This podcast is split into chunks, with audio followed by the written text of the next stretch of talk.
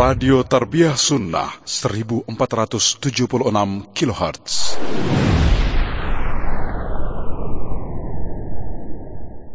طيب بسم الله الرحمن الرحيم السلام عليكم ورحمة الله وبركاته الحمد لله الذي بعث في الأميين رسولا منهم يتلو عليهم آياته ويزكيهم ويعلمهم الكتاب والحكمة. وإن كانوا من قبل لفي ضلال مبين. وأشهد أن لا إله إلا الله الملك الحق المبين. وأشهد أن محمدا عبده ورسوله صادق الوعد الأمين. والصلاة والسلام على أشرف الأنبياء والمرسلين. وعلى آله وأصحابه أجمعين ومن تبعهم بإحسان إلى يوم الدين وبعد Hadirin jamaah Masjid Agung Al-Ukhwah Bandung yang Allah muliakan, para pendengar Radio Roja Cilengsi untuk Jabodetabek dan sekitarnya, Roja Lampung, Roja Palembang, Roja Pontianak, Roja Tanjung Pinang, Roja Berau, Roja Surabaya, dan roja-roja di kota-kota lain. Pendengar radio Tarbiyah Sunnah Bandung, radio Albayan Cianjur, pendengar radio dan TV RBK di Kebumen, Radio 1 Lombok, Radio Amuba Pangkal Pinang, Radio uh, Hidayah Pekanbaru, Rai Padang, dan beberapa radio lain yang ikut merilai kajian kita di sore hari ini. Juga pemirsa Roja TV di mana saja Anda berada. Alhamdulillah kita kembali berjumpa melanjutkan kajian Tauhid kita sudah sampai pada jenis tauhid asma wa sifat. Dan kemarin sekitar dua Jumat yang lalu kita sudah menerangkan manhaj atau kelompok yang menyimpang di dalam memahami asma sifat yaitu kelompok Jahmiyah beserta sekte turunannya dari kalangan Mu'tazilah dan Asy'ariyah. Orang-orang atau kelompok yang menyimpang dalam memahami asma dan sifat secara umum ada dua jenis, dua kelompok. Kelompok pertama disebut al-musyabbihah Kelompok kedua al-mu'attilah. Secara umum ini. Apa itu musyabbihah? Berasal dari kata syabbaha yushabbihu tashbihan fahuwa musyabbihun. Syabbaha itu menyamakan. Syabbaha itu menyerupakan. Perbuatan disebut tasbih dengan shin dan ha besar. Tasbih. Pelakunya disebut al-musyabbih. Lalu diberi huruf tak marbutah lil mubalaghah. Jadilah al-musyabbihah. Al-musyabbihah adalah orang-orang yang menyamakan sifat Allah dengan sifat makhluk. Allah mendengar, makhluk mendengar, sama mendengarnya. Caranya, hakikatnya sama. Allah melihat, makhluk melihat, maka melihatnya sama. Caranya dan hakikatnya. Dan seterusnya. Orang yang pertama kali mengatakan perkataan ini adalah orang Syiah Rafidah namanya Hisham bin Hakam Ar-Rafidhi. Ada juga Bayan bin Sam'an At-Tamimi. Ada juga yang lainnya mereka ini kelompok musyabbihah, pelopornya. Kalangan musyabbihah gulu. Gulu itu lebay bahasa kitanya, berlebih-lebihan dalam menetapkan sifat-sifat Allah sampai seluruh sifat yang oleh Allah dan Rasulnya dinafikan dari diri Allah mereka tetapkan sebagai sifat bagi Allah Azza wa Jalla seperti sifat Allah laisa kamitslihi syai'un dinafikan karena mereka menyerupakan sifat Allah dengan sifat makhluk. Dan sifat-sifat yang tidak layak bagi Allah karena di dalamnya mengandung unsur aib dan kekurangan. Maha suci Allah, maha tinggi Allah dari apa-apa yang mereka katakan dengan setinggi-tingginya. Tokoh yang lahir kemudian dari kelompok ini namanya Hisham bin Salim al-Jawaliqi, Daud al-Jawarabi, dan yang lain-lainnya. Tentu saja kelompok musyabihah ini dianggap keliru, sesat.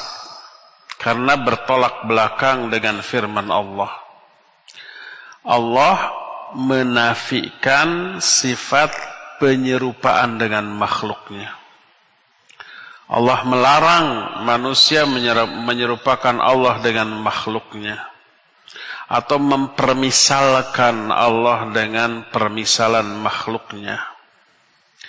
Allah berfirman, Laisa kamithlihi syai'un. Tidak ada sesuatu pun yang menyerupainya. Sesuatu pun itu umum. Karena bentuk katanya nakirah pakai tanwin tidak pakai alif lam syai'un dalam konteks nafi nafi itu dalam konteks kalimat negatif negatif itu kalimat yang memakai kata-kata tidak laisa kamitslihi syai'un tidak ada yang menyerupai Allah sesuatu pun Sesuatu pun itu umum, baik malaikat, manusia, jin, binatang, benda mati atau benda apa pun. Tidak ada yang menyerupai Allah. Itu Al-Quran surah Ash-Shura ayat 11. Dalam surah Maryam ayat 65 Allah berfirman, Hal ta'lamu lahu sammiya. Apakah kamu mengetahui ada yang serupa dengan Allah? Tidak ada. Ini disebut istifham ingkari. Bahasa kitanya kata per apa kalimat tanya yang tidak membutuhkan jawaban itu apa? Retoris. Hal ta'lamu lahu samian apakah kamu mengetahui ada yang serupa dengan dia? Mananya tidak ada. Hal di sini dengan makna nafi. Hal di sini dengan makna tidak. Hal min ilahin ghairuh. Adakah ilah lain selain dia? Hal di sana maknanya tidak ada. Tidak ada ilah lain selain dia. Tidak ada sesuatu pun yang serupa dengan dia. Dalam surah Al-Ikhlas Allah berfirman walam yakul lahu kufuwan ahad. Tidak ada bagi dia sesuatu pun yang sekufu dengan dia, yang sebanding, yang sama, yang serupa. Dan banyak lagi ayat lain yang maknanya Allah tidak ada yang menyampai yang menyamai dari kalangan makhluknya dalam hal apa pun. Makanya Allah melarang fala amsal.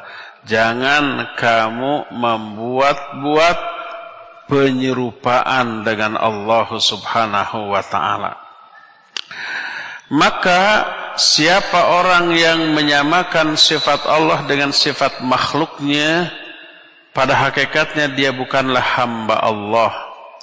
Dia hanya menyembah berhala yang berupa khayalan dia tentang Allah, bayangan dia tentang Allah. Allah dihayalkan, dibayangkan menjadi sosok tertentu lalu dia sembah. Yang dia sembah itu adalah khayalan dia, bukan Allah yang sebenarnya. Makanya orang itu disebut dengan penyembah berhala, bukan penyembah Allah. Berkata Al-Imam Ibn Qayyim rahimahullah dalam kitab An-Nuniyah. An-Nuniyah ini kitab yang berisi bait-bait dan isinya macam-macam termasuk masalah akidah dan asma sifat tapi berupa bait syair. Dalam kitab An-Nuniyah berkata Imam Ibn Qayyim rahimahullah lasna nushabbihu wasfahu bisifatina innal mushabbiha abidul awthan. Kalla wala tukhlihi min awsafih innal mu'attila abidul buhtan Kata Imam Ibn Qayyim di bait atau kalimat pertama di bait pertama yang kita kutip ini. Lasna nushabbihu wasfahu bisifatina. Kita tidak menyerupakan sifat Allah dengan sifat kita. Innal mushabbiha abidul authan. Karena orang yang menyerupakan sifat Allah dengan sifat makhluknya adalah para penyembah berhala. Berhalanya berupa khayalan, bayangan, gambaran dia tentang Allah. Yang keliru karena diserupakan dengan makhluknya. Kalla wala tukhlihi min awsafih. Sekali-kali jangan demikian. Dan jangan pula kamu kosongkan Allah dari seluruh sifat. Menetapkan Allah serupa dengan makhluk tidak boleh. Menolak seluruh sifat dari diri Allah juga tidak boleh. Karena Allah punya sifat. Orang yang menolak itu disebut mu'attilah. Lalu berkata Imam Ibn Qayyim, Innal mu'attila abidul buhtan karena kaum mu'attilah para penyembah buhtan. Buhtan itu kejelekan yang direka-reka, keburukan yang diada-adakan. Perbuatan buhtan kepada sesama manusia di antaranya adalah memfitnah orang dengan fitnahan keburukan yang tidak dilakukan oleh orang itu. Kalau orang itu benar-benar berbuat buruk, keburukan itu ada pada amalan dia, lalu kita omong-omongkan ke orang lain. Namanya apa? Gibah. Kalau keburukan yang kita ucapkan tentang orang lain itu sesuai fakta, ada dalam realita. Memang orang itu buruk. Lalu kita omongkan apa namanya? Bu, uh, namanya gibah. Boleh tidak gibah? Tidak boleh, haram. Wala yaghtab ba'dukum ba'dha. Tapi kalau kita ngomong kejelekan tentang orang lain, keburukan orang lain, tapi keburukan itu tidak ada pada dia. Dia tidak melakukan keburukan itu, kita karang-karang untuk menjatuhkan dia. Bahasa kitanya disebut fitnah. Bahasa hadisnya disebut apa? Buhtan. Kata Nabi SAW, Atadruna mal ghibah? Tahu nggak kamu apakah ghibah itu? Lalu beliau menerangkan, Zikruka akhok bima yakrah.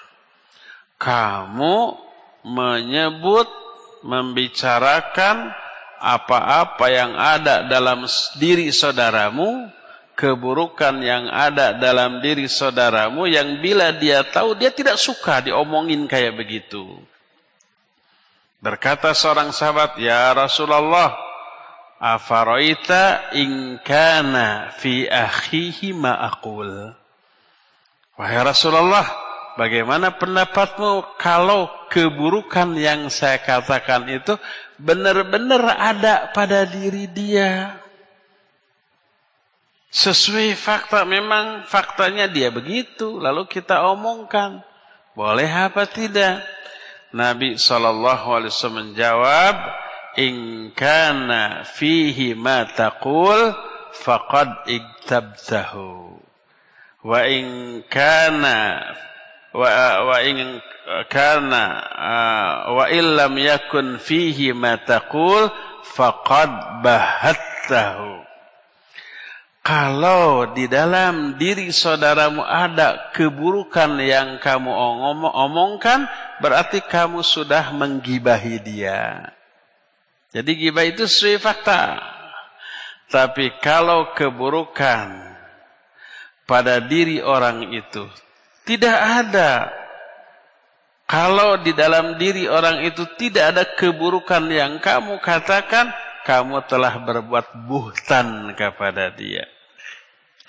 Jadi buhtan itu keburukan, kejelekan yang dikarang-karang. Itu buhtan kepada sesama manusia. Buhtan kepada Allah adalah mu'attilah.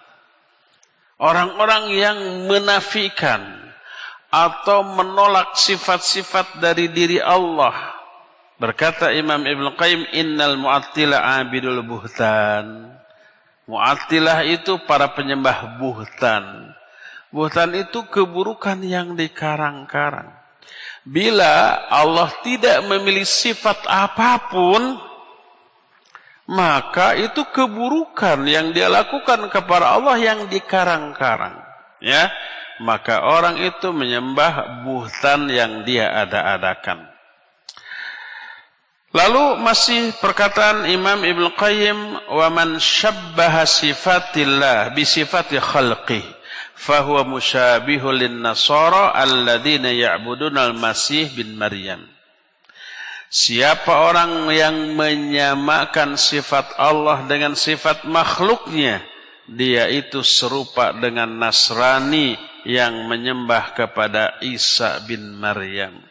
Karena Isa adalah makhluk yang real, yang nyata, yang berupa manusia. Makanya mati ketika disalib, disembah. Betapa buruk penyembahan terhadap itu. Saya ngomong ini di komunitas muslim. Untuk sesama muslim, menjaga akidah muslim di masjid.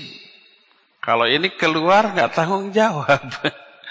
Pasti ada yang tersungging dengan ini. Maka orang-orang yang menyamakan sifat Allah dengan sifat makhluk sama dengan mereka.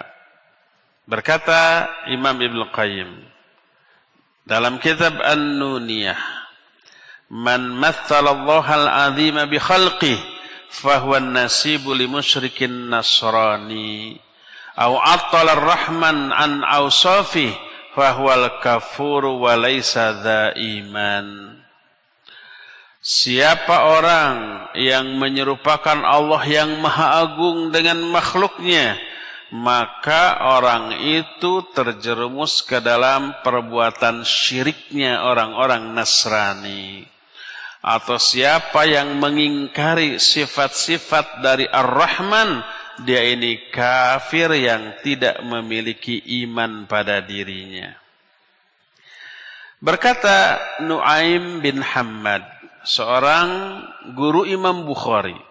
Imam Bukhari memiliki ribuan guru, salah satunya adalah Nuaim bin Hamad. Rahimahumallahu ta'ala. Kata Nuaim, Man syabbahallaha bi khalqih, faqad kafara. Wa man nafa ma wasafa Allah bihi nafsah atau wasafa bihi rasuluh faqad kafara wa laysa fi ma wasafa Allah bihi nafsuhu aw wasafa bihi rasulullah tasbihun ini perkataan gurunya Imam Bukhari Nuaim bin Hamad Siapa yang menyerupakan Allah dengan makhluknya maka dia kafir. Siapa yang menafikan, menafikan itu menolak, mengingkari Siapa yang mengingkari, menolak, meniadakan sifat-sifat bagi Allah yang telah Allah tetapkan sebagai sifat bagi dirinya. Allah telah menetapkan sifat itu bagi diri Allah dalam Al-Quran. Atau yang ditetapkan oleh Rasul SAW dalam hadisnya yang sahih. Ditetapkan. Seperti Ar-Rahman, Ar-Rahim, Al-Malikul Qudusus Salamul Mu'minul Muhaiminul Azizul Jabbarul Mutakabir. Itu kan ditetapkan oleh Allah sebagai sifat bagi diri dalam Al-Quran. Lalu ditolak. Sungguh orang itu telah kufur. Sebaliknya, ya, tadi dikatakan yang menyerupakan Allah dengan makhluknya kufur, yang menolak sifat-sifat Allah juga kufur. Dan ini menunjukkan wajib menetapkan sifat bagi Allah seperti sifat yang Allah tetapkan untuk dirinya sendiri. Tapi tidak ada keserupaan antara sifat Allah dengan sifat makhluk tentang sifat yang telah Allah tetapkan bagi dirinya sendiri.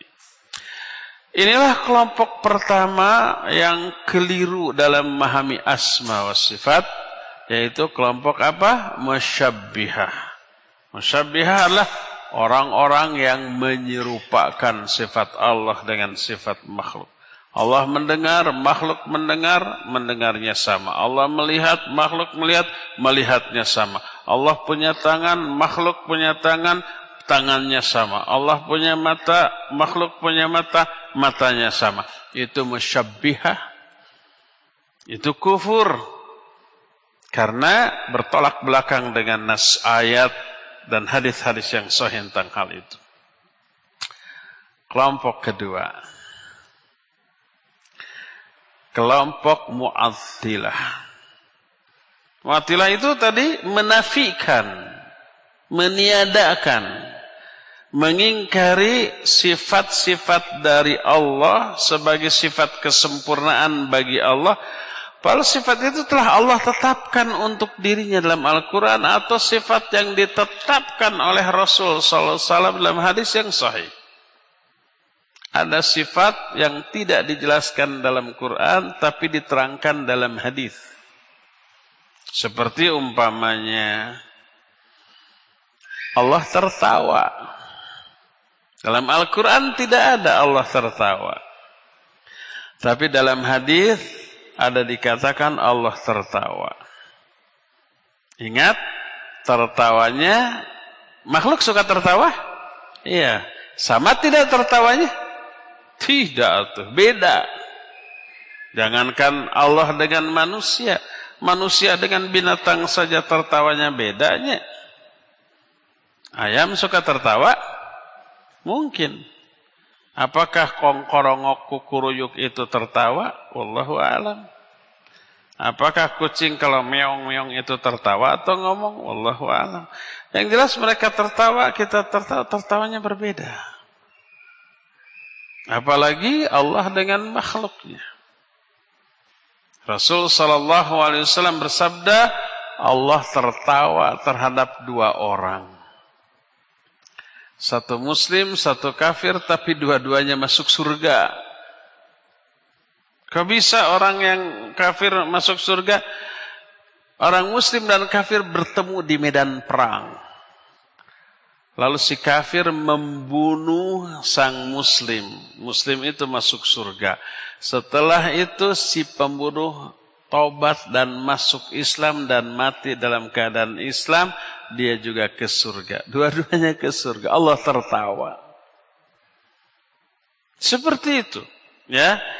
Jadi ada sifat yang ditetapkan dalam ayat, ada yang dalam hadis.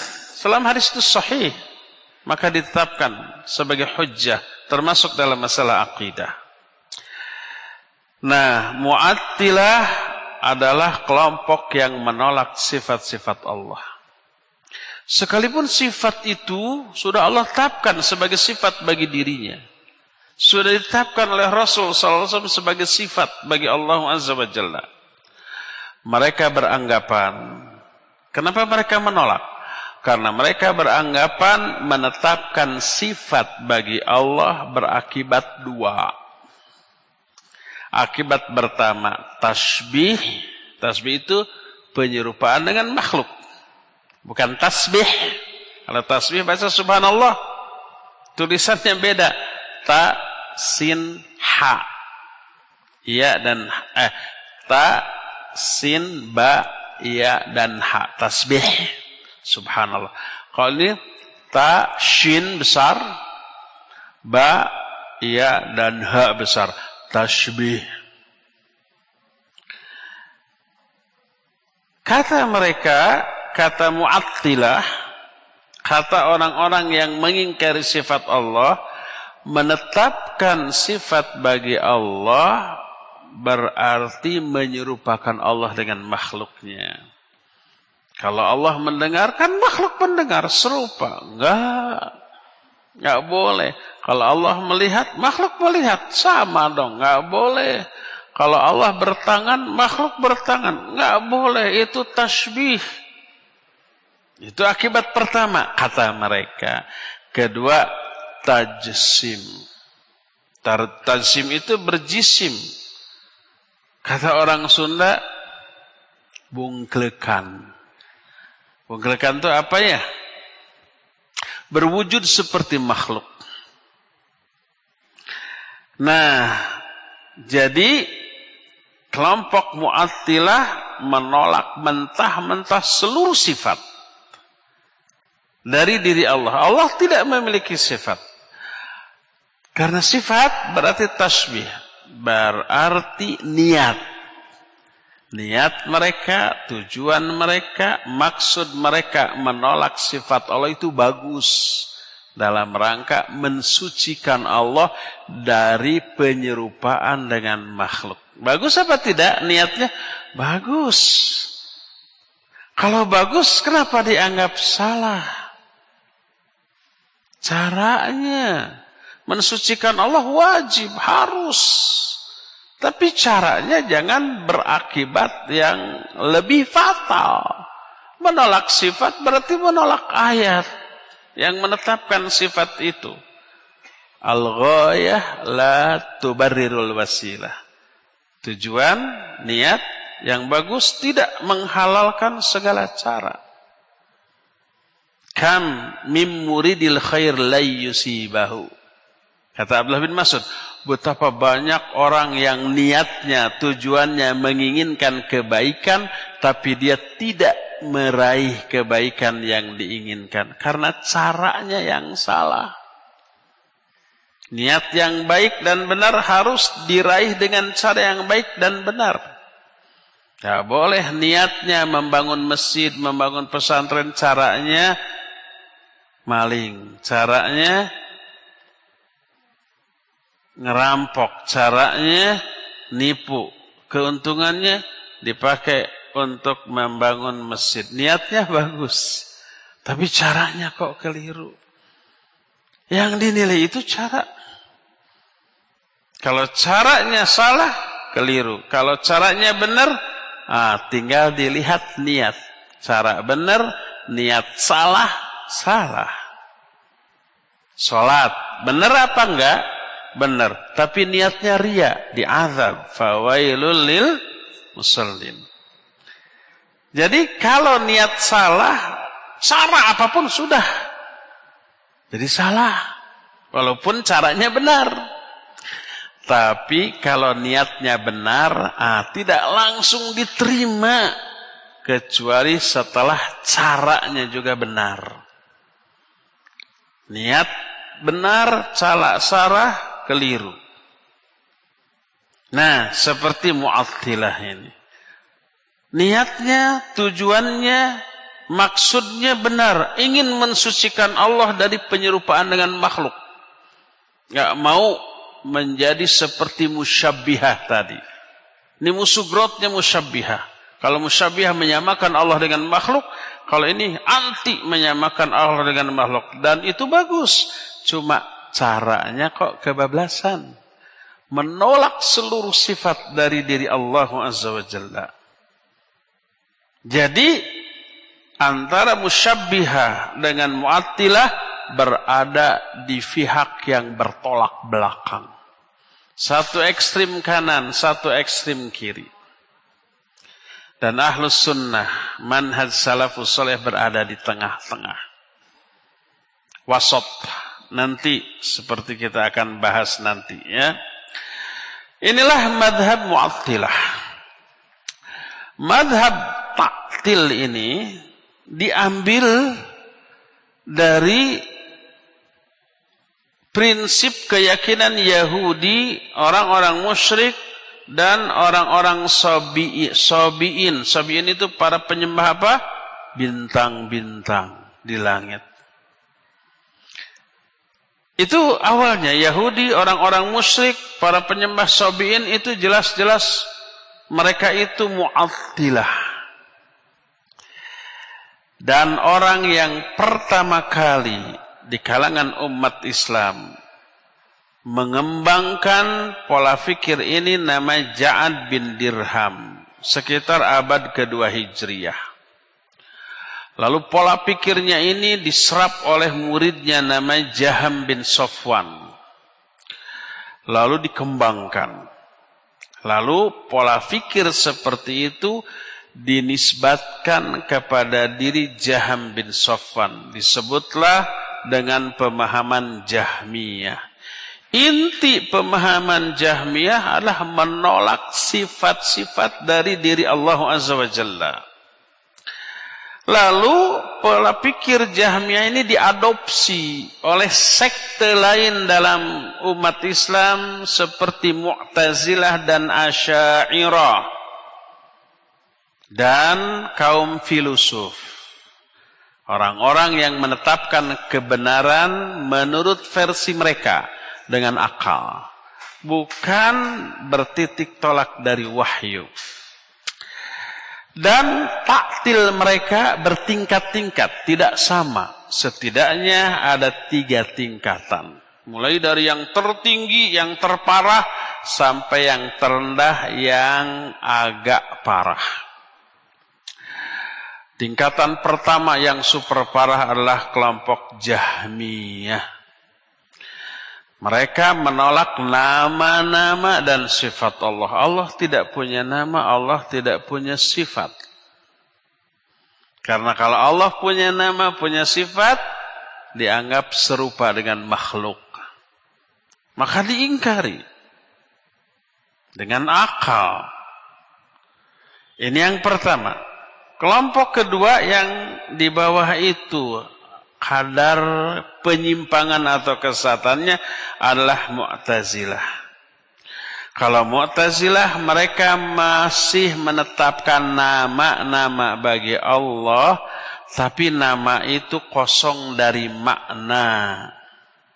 Kalau Ahlus Sunnah menyatakan setiap nama Allah mengandung makna yang menjadi sifat bagi Allah. Nama Allah Rahman. Dalam Rahman terkandung sifat rahmah. Itu nama Allah sekaligus sifat Allah. Allah itu salah satu sifatnya adalah Sami' As-Sami' Artinya mendengar. Itu nama Allah. Sekaligus sifat yang diambil dari makna as-sami. Mendengar. Allah memiliki sifat mendengar. Sifat mendengar tidak boleh dinafikan, ditolak. Walaupun dengan alasan mensucikan Allah dari penyerupaan dengan makhluk. Tanpa sadar, tanpa sadar nih orang-orang Jahmiyah termasuk orang Mu'tazilah menolak sifat yang Allah tetapkan dalam rangka mensucikan Allah dari penyerupaan dengan makhluk penolakan itu menjerumuskan mereka kepada penyerupaan Allah dengan makhluk yang lebih rendah. Kalau Allah tidak mendengar, apa istilah bagi tidak mendengar? tuli, ya. Allah itu asami kata Mu'tazilah, tapi tidak mendengar. Namanya aja sami. Tapi tidak mendengar. Apa sebutan bagi yang tidak mendengar? Tuli. Dan itu menyerupakan Allah dengan makhluk yang lebih rendah. Mana yang lebih mulia, lebih tinggi? Yang mendengar atau yang tuli? Tentu saja yang mendengar. Jadi Mu'tazilah berbedaannya dengan Jahmiyah. Kalau Jahmiyah nggak ada nama, nggak ada sifat. Kalau Mu'tazilah ada nama, tapi nggak ada sifat. Makna nama itu kosong, mujarrad anis sifat. Kosong dari sifat dan tidak ada makna. Ini tingkatan yang kedua. Sama sesat, tapi kadar kesatannya lebih enteng dibanding Jahmiyah. Tingkatan ketiga yang lebih rendah lagi. Lebih rendah kadar penyimpangannya. Asyairah. Di mana Asyairah? Mereka menetapkan beberapa sifat saja. Berawal enam sifat. Mikir lagi, tambah tujuh sifat. Mikir lagi, tambah sembilan sifat. Mikir lagi, tambah tiga belas sifat. Akhirnya ditetapkan tiga belas sifat. Dicari ayat-ayat dan hadis yang mendukung ketetapan ini. Ayatnya betul mendukung itu. Tapi manhaj, metodologi penetapan sifat itu pertama oleh akal. Makanya nambah dari 6, kemudian 7, 9, 13. Akal yang menetapkan. Lalu dicari ayat-ayat dan hadis yang mendukung ini. Ayatnya benar, hadisnya benar, dan istidlalnya benar. Penerapan dari ayat dan hadis itu benar. Kalau benar, kenapa disalahkan? Pertama, metodologinya menetapkan dulu dengan akal, ayat dan hadis dipakai penguat. Kedua, kok hanya 13? Sifat-sifat Allah yang lain ke mana? Mereka menetapkan wujud, qidam, baqa, mukhalafatul hawadithi, qiyamuhu binafsihi, wahdaniyah, kudrah, iradah, terus sampai 13. Sifat Allah yang lain yang diterangkan dalam ayat, dalam Al-Asmaul Husna ke mana? Al-Malikul Qudusus Salamul Mu'minul Muhaiminul Azizul Jabbarul Mutakabir. Itu sifat Allah apa bukan? Iya. Ar-Rahman Ar-Rahim. Dibaca dalam basmalah. Bismillahirrahmanirrahim. Ar-Rahman Ar-Rahim sifat Allah bukan? Iya. Ada nggak dalam sifat 13? Tak ada. Dikemanakan? Lalu yang menemukan ini kenapa disebut Asyairah? Sebab yang menemukan, yang merumuskan pertama namanya Abu Musa al-Ash'ari. Eh, Abu Musa. Ali al-Ash'ari. Ya. Abu Ali al-Ash'ari. Murid sekaligus anak tiri dari Ali al-Jubai. Ali al-Jubai mu'tazilah tadinya. Makanya Ali al-Asyari ini 40 tahun dari kehidupannya berfaham Mu'tazilah. Sama seperti ayah tiri sekaligus gurunya. Tapi setelah itu dia berpikir. Berpikir, berpikir. Keliru kalau Allah nggak punya sifat. Pasti Allah punya sifat. Lalu dia tetapkan sifat-sifat itu dengan akalnya. Dicari ayat yang menguatkannya. Makanya disebut dengan pemahaman asyairah atau asyariyah. Terus di antara muridnya ada nama Imam Al-Maturidi. Pindah setelah belajar. Dikembangkan lagi jadi sifat 20. Nah, mereka menetapkan sifat-sifat Allah tapi menolak sifat selain yang 20 sifat. Selain yang 13 sifat mereka tolak. Entah dikemanain.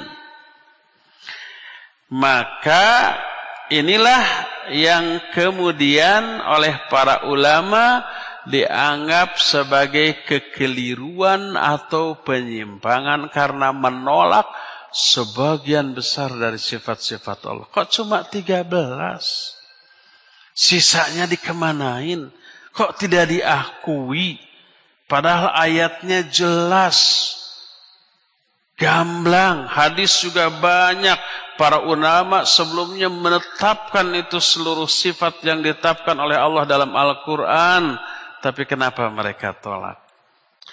Inilah tiga kelompok mu'attilah. Menolak sifat Allah baik seluruhnya seperti Jahmiyah. Termasuk nama ataupun ada yang menetapkan nama tapi menolak seluruh sifat seperti Mu'tazilah dan ada yang menetapkan sebagian sifat tapi menolak sebagian sifat lain seperti Asy'ariyah. Syubhat atau hujjah, alasan, dalil yang dipakai oleh mereka sudah ditetapkan tadi bahwa menetapkan sifat bagi Allah berakibat tasbih. Kalau dikatakan Allah punya sifat berarti menyerupakan dengan makhluknya. Padahal Allah menyatakan laisa kamitslihi syai'un. Allah itu tidak ada yang menyerupai. Maka Allah tidak punya sifat kecuali satu. Satu-satunya sifat. Yaitu Allah Esa. Allah itu Esa. Tunggal satu. Tidak ada yang menyerupai dalam hal nama dan sifat. Semua sifat ditolak. Selain sifat Esa. Lalu mereka istilahkan sifat Allah yang Esa ini dengan Tauhid. Tauhid menurut pemahaman mereka adalah mengesahkan Allah dalam bentuk menolak seluruh sifat Allah dari dirinya. Sama istilahnya tauhid. Tapi maknanya berbeda. Kalau kita tauhid itu mengesahkan Allah dalam hal ibadahnya. Kalau tauhid menurut versi Mu'tazilah mah artinya menolak sifat-sifat lain selain esa. Itu saja. Ini salah satu di antara al-usul khamsah. Di antara lima pola uh, pemikiran pokok Mu'tazilah. Salah satunya adalah tauhid. Tapi makna tauhid, tauhid itu agung. Istilah yang luar biasa. Tauhid itu mengesahkan Allah. Tapi makna tauhid menurut kalangan Mu'tazilah artinya menolak sifat-sifat lainnya bagi Allah selain asa. Maka jelaslah taktilnya mereka, taktil itu menolak, meniadakannya sifat Allah dari diri Allah menurut pemakaran mereka dengan niat yang benar dan bagus yaitu mensucikan Allah dari penyerupaan dengan makhluk menurut mereka. Berdasarkan hal itulah maka di kalangan mereka ada dua sikap yang menjadi sikap khusus. Pertama, ada di kalangan mereka yang bersikap al-imanu bi al-fadhiha wa tafidu ma'aniha bi ayyaskutu an tafsiriha wa yufawwiduhu ila Allah ma'an nafi dilalatiha ala syai'in minas sifat sammu hadhi tariqah tariqatus salaf wa qalu hiya aslam pertama di kalangan mereka ada yang mengimani lafad-lafad dari nama-nama Allah. Maknanya ditafwid makna dari nama-nama Allah Ar-Rahman, Ar-Rahim dan yang sejenisnya ditafwid. Arti tafwid adalah mereka tidak mau memahami maknanya dan menyerahkannya itu kepada Allah sambil menafikan apa atau makna yang ditunjukkan oleh lafaz tersebut. Apa Nama Allah As-Sami. Apa arti As-Sami? Maha mendengar. Sifat mendengar itu mereka tolak. Ya Allah As-Sami. As-Sami biduni sama. As-Sami tapi tidak ada pendengaran. Tidak mendengar. Kata mereka begitu. Kan anehnya. Tapi nyata. Mereka menyerahkan maknanya kepada Allah. Tapi menolak makna yang terkandung dalam nama itu. Dan Anehnya lagi, mereka menamai cara itu, cara tersebut, menetapkan nama lafadnya, menolak makna yang mencakup sifat yang terkandung di dalamnya, cara seperti itu mereka katakan cara salaf. Lalu mereka menyatakan, hiyal aslam, ini yang lebih selamat. Sudah karena Quran menyebut Allah itu punya sifat Ar-Rahman, Ar-Rahim, Al-Malik, Al-Qudus dan seterusnya, ya itu nggak boleh kita tolak. Tetapkan tapi tanpa makna. Karena kalau difahami dengan makna berakibat tasbih kata mereka. Sudah Allah maha mendengar tapi tidak mendengar. Allah maha mendengar tapi tidak mendengar. Allah al-basir tapi tidak melihat. Itu. Allah Al-Qadir tapi tidak berkuasa dan seterusnya. Allah uh, memiliki apa namanya mutakallim tapi Allah tidak berbicara. Seperti itulah. Terus disebut hadza tariqatus salaf. Wahyal aslam. Dan ini lebih selamat. Sikap kedua. Ah, ini yang banyak dilakukan banyak dilakukan oleh kaum muslimin termasuk di Indonesia. Nah itu apa? Mereka tidak berani menolak nama Allah, tidak berani menolak sifat Allah. Terus yang mereka lakukan apa? Sarfu hadhin nusus an madluliha ila ila ma'anin ibtada'uha.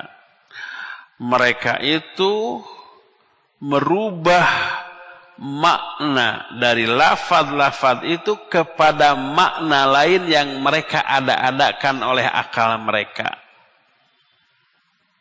Karena kalau tidak dirubah maknanya, berakibat tasbih. Contoh Allah istiwa di atas ars. Istiwa itu tegak, menetap di sana, di atas ars. Mereka tidak mengingkari lafaz istiwa. Tidak mengingkari maknanya. Ada makna. Tapi kalau dikatakan Allah istiwa di atas aras, ini akal mereka yang jalan nih. Pertama, serupa dengan makhluk. Tegak. Makhluk juga tegak. Nggak mungkin. Kedua, ada kesan Allah butuh aras. Menurut akal mereka akal yang dangkal juga ya. Apakah kalau Allah di atas ars pasti butuh kepada ars? Ya tidak. Ya. Hanya menunjukkan keberadaan Allah aja di atas ars. Jadi kata mereka, kalau itu dikatakan benar istiwa tegak pertama serupa dengan makhluk, yang kedua berarti butuh ars. Ketiga, kalau Allah istiwa di atas ars menempati ars, berarti arasnya lebih besar. Tuh akal mereka jalan sendiri tuh. Entah kenapa akalnya ke sananya. Padahal sering saya jelaskan, sesuatu yang ada di atas tidak selalu lebih kecil daripada yang di bawah. Tidak selalu yang di atas itu membutuhkan yang di bawah. Tidak selalu yang di atas itu menempel terhadap yang di bawah ya. Tuh, lampu itu tergantung di atas di atas lantai. Apakah lampu itu berada di atas lantai? Apakah lampu itu membutuhkan lantai? Tidak. Apakah lampu itu e, lantainya lebih besar dari lampu? Iya, itu namanya. Jangan itu apa ilustrasinya? Awan berada di atas gunung. Apakah awan itu menempel di atas gunung? Tidak. Apakah awan itu butuh gunung? Tidak. Apakah gunung itu lebih besar dibanding awan itu? Tidak. Awan lebih besar daripada gunung. Jangankan gunung, sekota atau beberapa negara terlingkupi oleh awan. Kalau di Eropa musim dingin, beberapa negara, puluhan ratusan negara tertutup oleh awan tebal. Matahari tidak bisa tembus itu cahayanya. Makanya waktu winter di sana kayak gini nih, kayak maghrib, hampir maghrib, walaupun tengah hari lampu tetap menyala.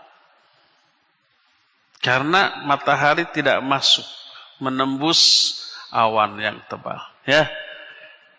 Tapi orang dasar akalnya terbatas. Kalau Allah istiwa di atas aras, oh berarti arasnya lebih besar dari Allah. Entah kenapa akalnya mikirnya sependek itu ya. Awan itu berada di atas gunung. Oh berarti gunung lebih gede dari awan. Apa begitu? Enggak.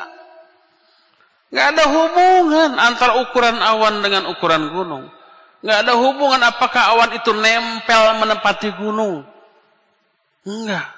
Itu awan dengan gunung. Apalagi Allah berada di atas arasnya. Tidak berarti istiwanya Allah persis sama dengan istiwanya makhluk. Enggak. Laisa kami lisyaun. Tidak berarti Allah butuh kepada aras seperti ter apa awan yang terletak di atas gunung. Apakah awan itu butuh gunung? Enggak. Tidak berarti arasnya lebih besar daripada Allah sebagai sebab sebagai tempat duduknya Allah. Enggak. Nah, jadi mereka mentasrif. Mentasrif artinya merubah makna. Istawa jadi istaula, menguasai, ya. Tangan Allah artinya kekuasaan Allah, yadullahi fauqa aidihim. Lalu sifat istiwanya ditolak. Sifat tangannya ditolak. Enggak, Allah enggak punya tangan. Kalau punya tangan berarti serupa dengan makhluk. Kita balik tanya, kalau enggak punya tangan, serupa enggak dengan makhluk? Tetap serupa. Ada enggak makhluk yang, yang tidak bertangan? Banyak. Ada manusia yang tidak bertangan?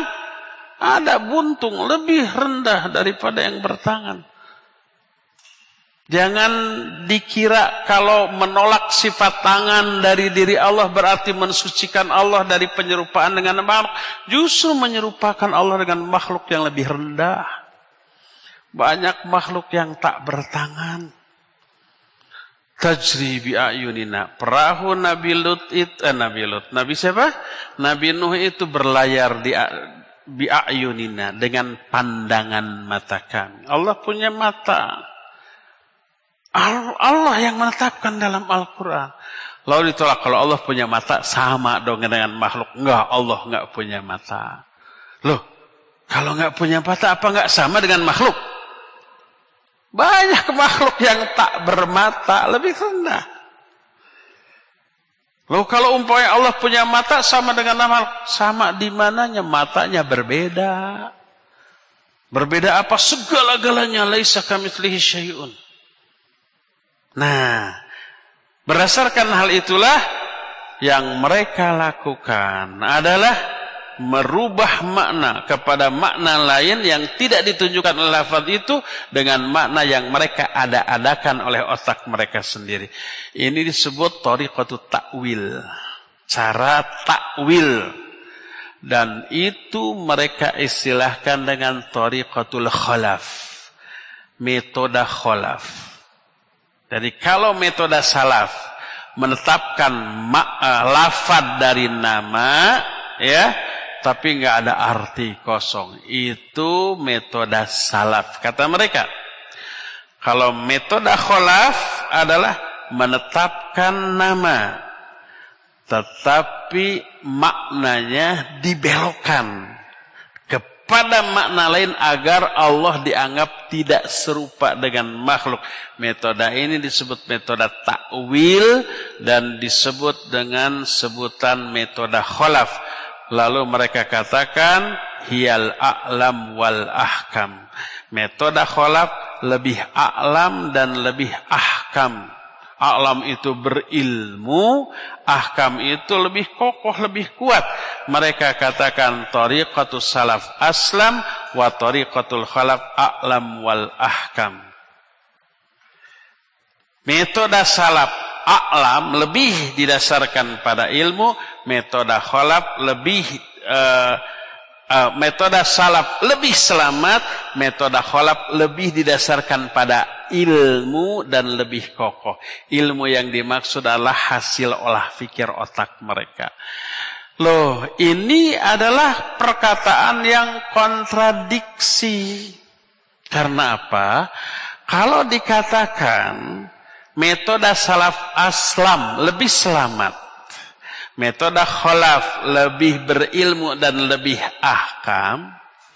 Bagaimana mungkin yang didasarkan pada ilmu dan uh, lebih ahkam tapi tidak selamat, tidak lebih selamat. Kalau lebih selamat pasti lebih didasarkan pada ilmu dan lebih kokoh.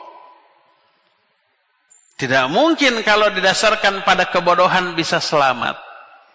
Tapi itulah kalimat yang mereka bikin-bikin. Akhirnya mereka berbenturan antara satu kalimat dengan kalimat yang lain. Ya, Inilah dua sikap di kalangan para mu'attilah. Bagaimanakah koreksi dari para ulama as-salafus soleh kepada mereka. Jadi pola pikir ini dari zaman bahula mula sudah muncul. Bukan hanya sekarang, sekarang ini hanya para turunannya aja pelanjut. Dan dari zaman bahula mula sudah muncul bantahan yang telak dari kalangan para ulama. Makanya bantahan kita kepada mereka tinggal mengutip ini pengulangan. Mengutip bantahan para ulama kepada mereka. Watilkal ayyamu bainan nas. Itulah hari-hari ini kami pergilirkan waktunya di kalangan manusia. Apa yang terjadi sekarang pernah terjadi zaman bahula, zaman dahulu. Dan realita dari sejarah kehidupan manusia sudah menyatakan bahwa bantahan para ulama kepada pihak yang menyimpang ini begitu telak. Kitab-kitabnya berjibun ya. Tinggal membuka kita sampaikan. Warraddu ala syubhatihim. Adapun bantahan terhadap syubhat mereka pertama la raiba anna tamthil qad nataqal Qur'an al-Karim binafihi anillahi subhanahu wa ta'ala pertama menolak kelompok musyabbihah apa arti musyabbihah menyerupakan Allah dengan makhluk dalam hal sifat. Tidak diragukan lagi Al-Quran melarang menyerupakan Allah dengan makhluk. Ayatnya sudah kita terangkan tadi. Laisa kamitslihi syai'un wa huwas samiul basir. Hal ta'lamu lahu samiyya Terus fala taj'alu lillahi andada wa antum ta'lamun. Fala tadribu lillahil amsal. Itu ayat-ayat yang melarang menyerupakan Allah dengan makhluk. Akan tetapi selain Allah menafikan melarang menyerupakan Allah dengan makhluk, Allah tidak diragukan lagi, tidak samar lagi menetapkan beberapa sifat bagi dirinya. Ketika Allah melarang laisa kamitslihi syai'un wa huwas samiul basir. Coba lihat. Kata Allah, tidak ada sesuatu pun yang serupa dengan Allah dan dia maha mendengar dan maha melihat. Ayat ini mengandung dua hal mengandung nafi dan mengandung isbat. Nafi itu meniadakan, menolak. Isbat itu menetapkan. Laisa kamitslihi syai'un, tidak ada sesuatu pun yang menyerupai Allah. Ini menafikan, meniadakan. Meniadakan apa?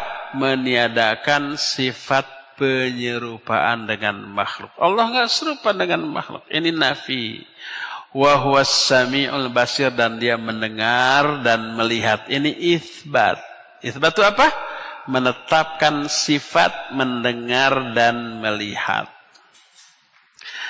Ayat ini dengan gamblang menyatakan bahwa Allah memadukan antara nafi dan isbat dalam hal sifat. Ada sifat-sifat yang ditolak, dinafikan, ada sifat yang ditetapkan. Dua-duanya itu harus diterapkan. Allah banyak menolak beberapa sifat dirinya. Contoh, penyerupaan. Ditolak tadi dalam beberapa ayat. Contoh, Allah itu laisa bidzallami lil abid. Allah itu tidak zalim kepada hamba-hamba. Sifat zalim ditolak dari diri Allah. Ini haram tu zulma ala nafsi. Aku mengharamkan bersikap dolim atas diriku. Aku nggak mungkin dolim kepada hambaku. Ditolak. Sifat suka tidur dan ngantuk. La ta'khuduhu Sinatu walanum. Allah itu tidak pernah dikenai ngantuk ataupun tertidur. Sifat tidur, sifat uh, ngantuk oleh Allah ditolak dari dirinya. Wallahu la yukhliful mi'ad. Allah tidak pernah memungkiri janji. Sifat ingkar janji oleh Allah ditolak dari diri. Jadi ada banyak sifat yang oleh Allah ditolak. Maka kita pun wajib menolak, meniadakan mengingkari semua sifat-sifat tadi dari diri Allah karena Allah juga menolaknya. Di sisi lain Allah menetapkan beberapa sifat dari dirinya. Menetapkan beberapa sifat bagi dirinya, ya. Seperti dalam surah Al-Hasyr yang tadi dikemukakan Al-Malikul Quddusus Salamul Mu'minul Muhaiminul Azizul Jabbar Mutakabir dan seterusnya itu sifat nama sekaligus sifat bagi dirinya. Itu Allah tetapkan dan Allah lebih tahu tentang dirinya. Lalu Allah memperkenalkan beberapa nama dan sifat dirinya kepada kita maka wajib kita menetapkan sifat-sifat itu bagi diri Allah tapi kan kalau ber, menetapkan sifat berarti menyerupai dengan makhluk. Ya tidak. Jangankan Allah dengan makhluk. Makhluk dengan makhluk. Istilah mengetahuinya sama. Caranya, hakikatnya berbeda. Kita mengetahui. Semut mengetahui. Kita mengetahui ada gula. Dengan cara gimana? Dengan cara dilihat, oh ini gula, dipegang, dicicipi, manis ini gula. Itu cara kita mengetahui adanya gula. Sekarang semut, bagaimana cara mengetahui adanya gula? Apakah seperti kita? Tidak, mereka tidak harus melihat, tidak harus mencicipi. Ya, di mana ada gula, di sana ada semut. Taburkan saja gula pasir atau gula merah atau apa yang manis lah ya kopi yang bergula, kolak tumpahkan, biarkan beberapa saat. Tiba-tiba semut entah dari mana atuh ya, ngabring, ngalut, ngabandalut, beriring-iringan, tek, tiba-tiba mengerumuni itu. Bagaimana sih cara semut mengetahui adanya gula? Sama dengan kita? Tidak sama. Apakah mereka dengan cara melihat? Tidak. Dengan cara gimana tuh? Gak tahu saya. Mungkin punya antena gitu ya. Ya antena ini. Jadi mungkin gula itu terpantau oleh satelit. oleh satelit dikirim ke antena semut. Oh. Dan saya mah kaget itu saya pengalaman. Suatu saat saya dari Jakarta ke Indramayu. Pakai mobil. Pakai pantura. Ngebut. Dulu masih muda bawa soft drink yang manis, tumpah di dashboard, uluh tumpah, udah. Terus saja maju, dia lap. Gak berapa lama entah dari mana sebut breng, padahal lagi maju itu teh. Kan gak mungkin dari luar masuknya, dan akan kekejar itu. Mungkin ada semut ngumpet di jok-jok mungkin gitu ya. Tahu ada yang manis ngerubutin itu. Itu makhluk dengan makhluk. Cara mengatakan sudah berbeda. Apalagi makhluk dengan Khalid. Begitu juga mendengar. Begitu juga melihat. Begitu juga berbicara. Begitu juga istiwa atau tegaknya Allah di atas aras. Dan semua sifat-sifat lain. Makna berbicaranya, makna mendengarnya sama, tapi hakikat dan kaifiat, hakikat dan caranya berbeda. Makna mendengar idrakus saut, mampu menangkap suara, itu makna mendengarkan. Kita mampu menangkap suara, Allah mampu menangkap suara. Gimana caranya? Berbeda. Kita tahu bagaimana mendengarnya kita. Kita tidak tahu bagaimana mendengarnya semut. Kita tidak tahu bagaimana mendengarnya kelelawar. Konon, konon ya. Saya belum pernah bertanya. Kelelawar bisa menangkap apa suara dari radio tanpa harus mendengarkan radionya, ya enggak? Suara saya ini disebarkan oleh radio. Kalau kita mau mendengar di rumah harus ada alat penangkap uh, apa namanya? Frekuensi. Frekuensi. Baru tek frekuensinya tepat baru keluar suara. Baru kita bisa mendengar. Tapi tanpa radio kita nggak bisa. Konon katanya. Kelelawar bisa. Betul apa benar yang kita pelajari di SD begitu ya kita tidak bisa menangkap suara dengan frekuensi di bawah 20 kH atau di atas 20 ribu kH. Radio tarbiyah sunnah berapa kH? 1476 kHz. Jadi di atas 20 ribu hertz, apa hertz, hertz, ah itu lah pokoknya hat. Di atas 20 ribu kita nggak bisa kita nggak bisa dengar. Kelawar bisa. Itu yang kita dengar di pelajaran dahulu ya. Dengan kemampuan mendengarnya itu si kelelawar bisa mengetahui posisi benda-benda di sekitar. Dia cukup mengepakkan sayapnya. Sayapnya itu menyebarkan gelombang ke semua arah. Lalu kalau ada benda, maka gelombang itu mengenai benda itu dan mantul kembali kepada dia. Lalu dia mendengar, oh ada benda di sini. Tahu nggak akan nabrak dia. Dan hebatnya lagi, tahu apakah benda ini makanan, buah, bohlam, pohon, tiang listrik, dia bisa membedakan. Entah gimana hanya dengan pendengaran. Gak pernah kita melihat kalong salah sasaran disangkanya buah ternyata bohlam. Uluh. Teas, panas, kesetrum. Gak pernah ya. Bahkan kelelawar kalong itu bisa membedakan mana buah yang matang, manis dan mana yang masih mentah hanya dengan telinganya kita mah nggak bisa begitu. Itu makhluk dengan makhluk cara melihat cara mendengar cara mengetahui berbeda. Apalagi makhluk dengan khaliq samakah kita dengan kelawar? Tidak. Tapi kan kelawar mendengar kita mendengar. Iya mendengar makna mendengar dalam arti mampu menangkap suara sama. Tapi bagaimana menangkap suaranya, mendengarnya berbeda antara kita dengan kalong. Apa? Apalagi antara makhluk dengan Allah subhanahu wa ta'ala. Ya. Walhasil menetapkan sifat bagi Allah dengan sifat yang memang telah Allah tetapkan bagi dirinya sendiri tidak selalu bermakna menyerupakan. Sama. Kalong mendengar, kita benar. Oh, kita sama dong dengan kalong. Beda.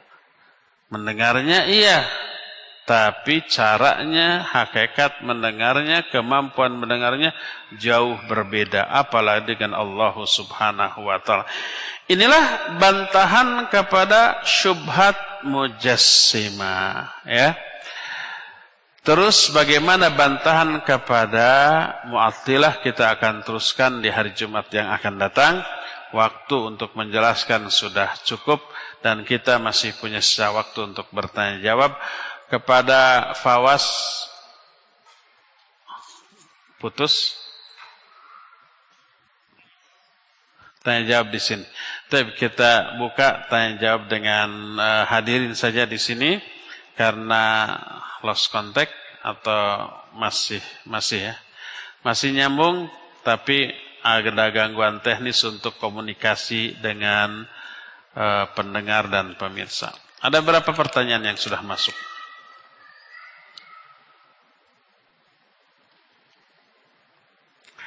Duh ya mas surat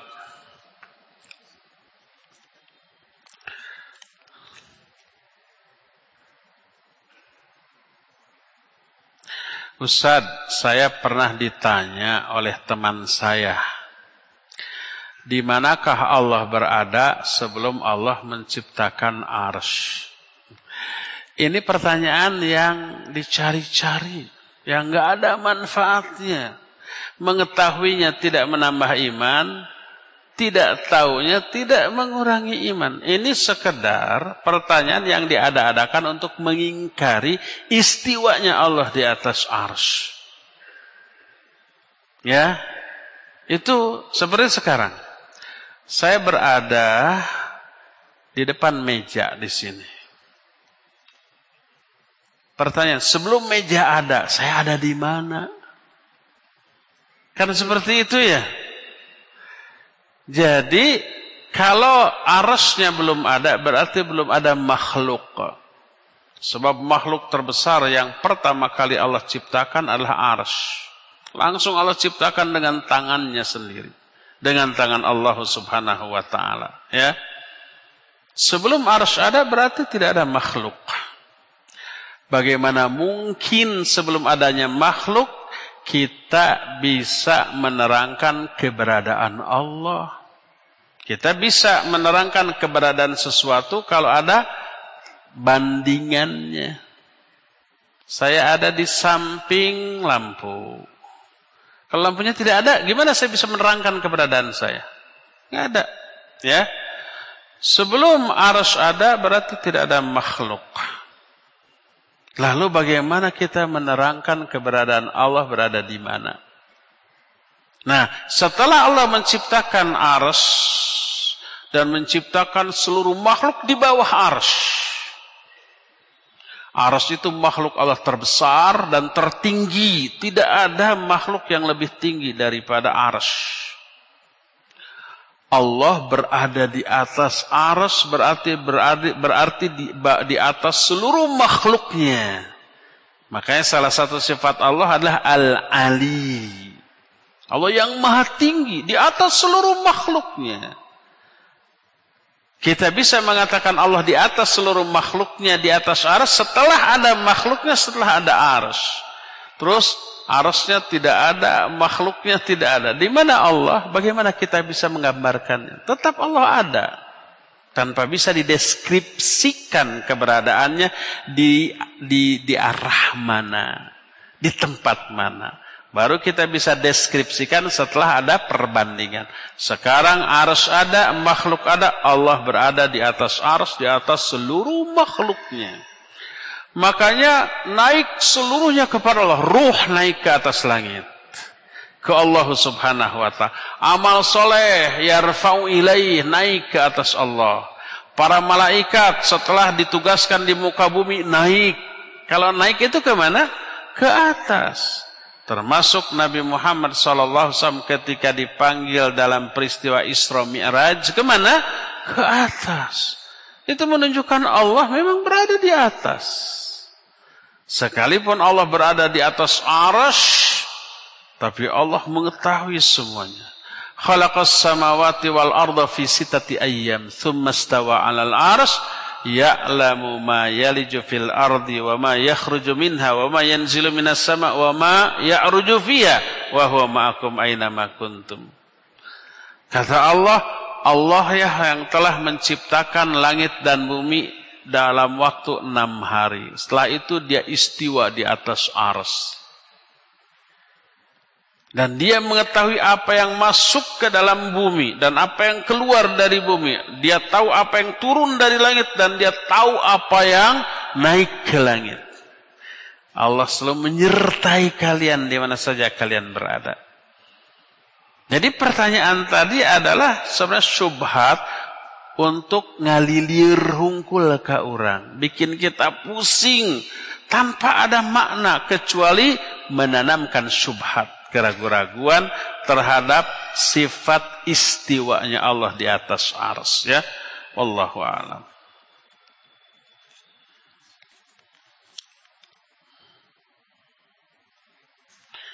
Apa boleh menggunakan filsafat untuk teknologi modern bukan untuk agama? Saya pikir teknologi bukan untuk bukan oleh filsafat, tapi oleh ilmu sains. Ilmu teknologi oleh IT. Filsafat bukan berbicara tentang umumnya ya. Bukan berbicara tentang teknologi, tapi berbicara tentang konsep hidup tentang keyakinan, tentang perasaan, tapi bertumpu pada akal. Maka filsafat bukan ilmu yang menjadi alat untuk memahami teknologi. Teknologi ada ilmunya tersendiri. Ada IT, eh, ada teknologi tentang informasi bidang IT ada. Ada teknologi tentang pesawat terbang khusus ilmu tentang pesawat terbang, bukan ilmu filsafat. Filsafat lebih menjurus kepada konsep hidup.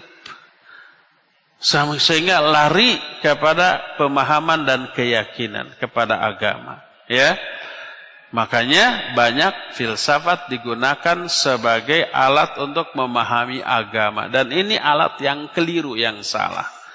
Kalau ilmu kedokteran ada ilmunya tersendiri, tentang teknologi ada ilmu tersendiri, tentang ekonomi ada ilmu tersendiri, tentang agama ada ilmu tersendiri. Ada ilmu tafsir untuk membahas Quran, ilmu hadis, ilmu fikih, ilmu usul fikih dan seterusnya. Tapi itu alatnya. Tapi kalau agama dibedah oleh teori ekonomi bakal keliru agama dibedah oleh teori sosial bahkan keliru. Agama dibedah oleh ilmu filsafat bakal keliru sebab bukan alatnya ya. Bukan alatnya.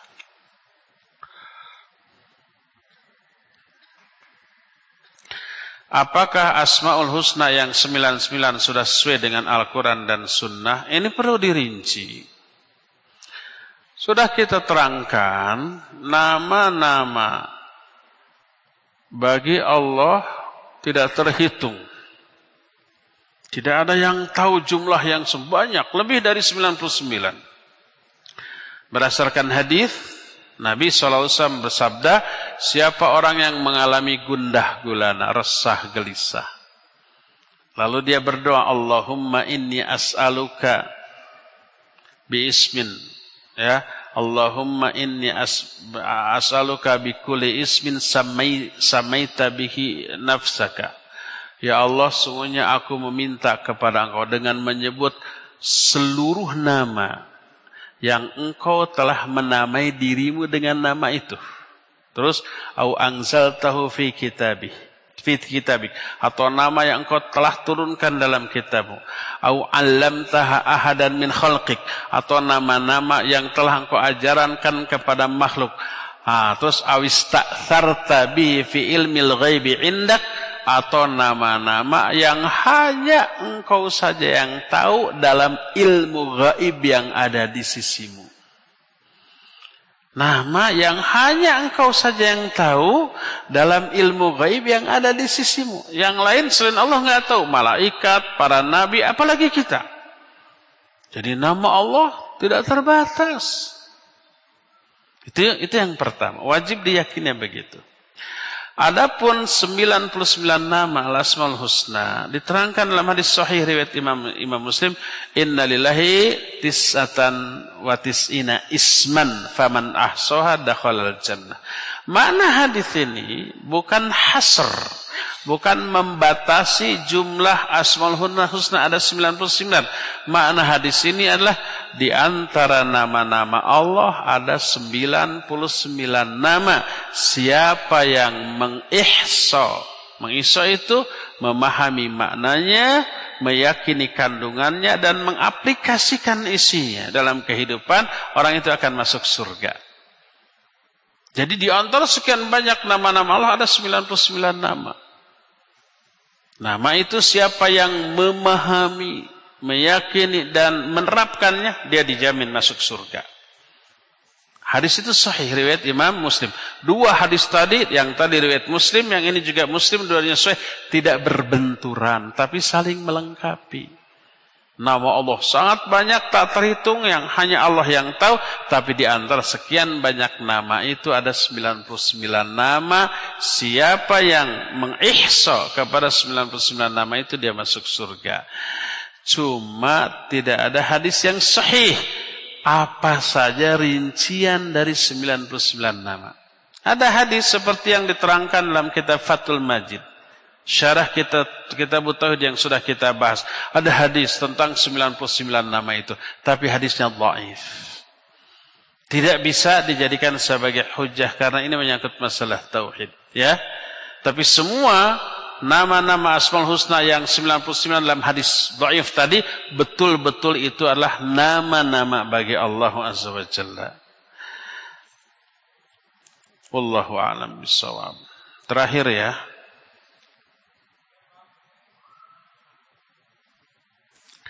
Bagaimana jika kita berguru pada seorang ustaz yang beranggapan bahwa Allah itu dia istiwa di atas aras bukan istawa atau mentakwil ayat. Apakah kita harus meninggalkan ustaz tersebut? Kita bisa lihat tadi melakukan takwil kepada ayat-ayat tentang sifat Allah mengakibatkan diingkarinya sifat Allah tersebut.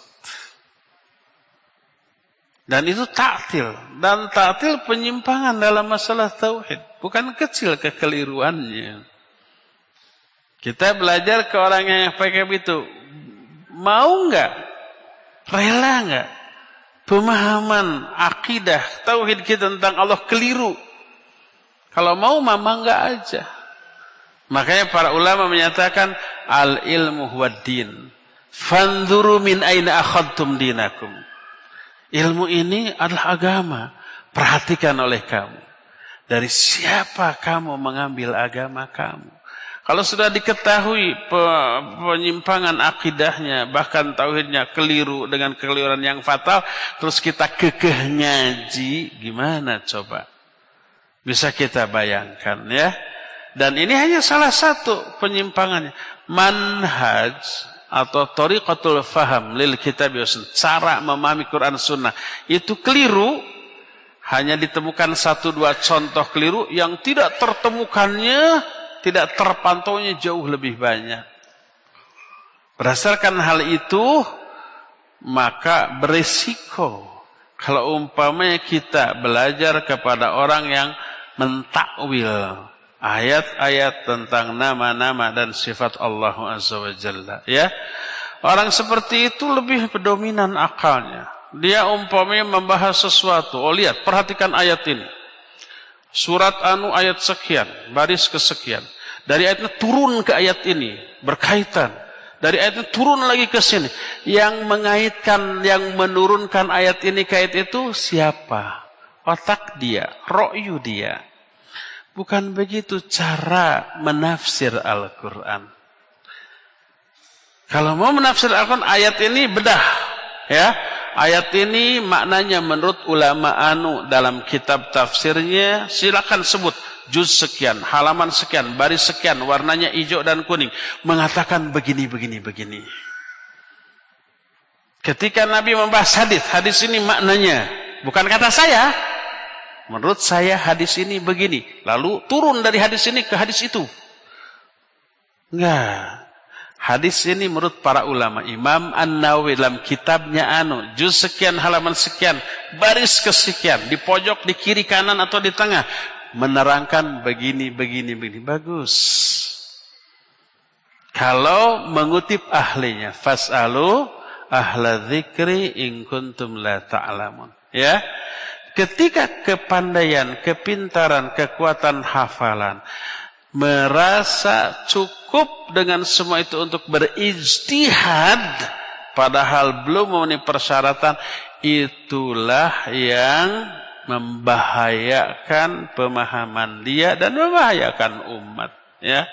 Berdasarkan hal itulah ngajilah kepada orang-orang yang ketika ngaji selalu merujuk membahas kitab ya mengutip para ulama dalam kitab-kitab mereka ditambahkan kepada penjelasan dari materi yang sedang kita bahas itu aslam wa a'lam wa ahkam lebih selamat, lebih didasarkan pada ilmu dan lebih kokoh, lebih bisa dipertanggungjawabkan ya. Wallahu alam cukup sampai di sini insyaallah kita jumpa kembali di hari Jumat yang akan datang. Subhanakallahum bihamdik asyhadu an la ilaha illa anta astaghfiruka wa atubu ilaik walhamdulillahirabbil alamin wassalamu alaikum warahmatullahi wabarakatuh. Radio Tarbiyah Sunnah 1476 kHz.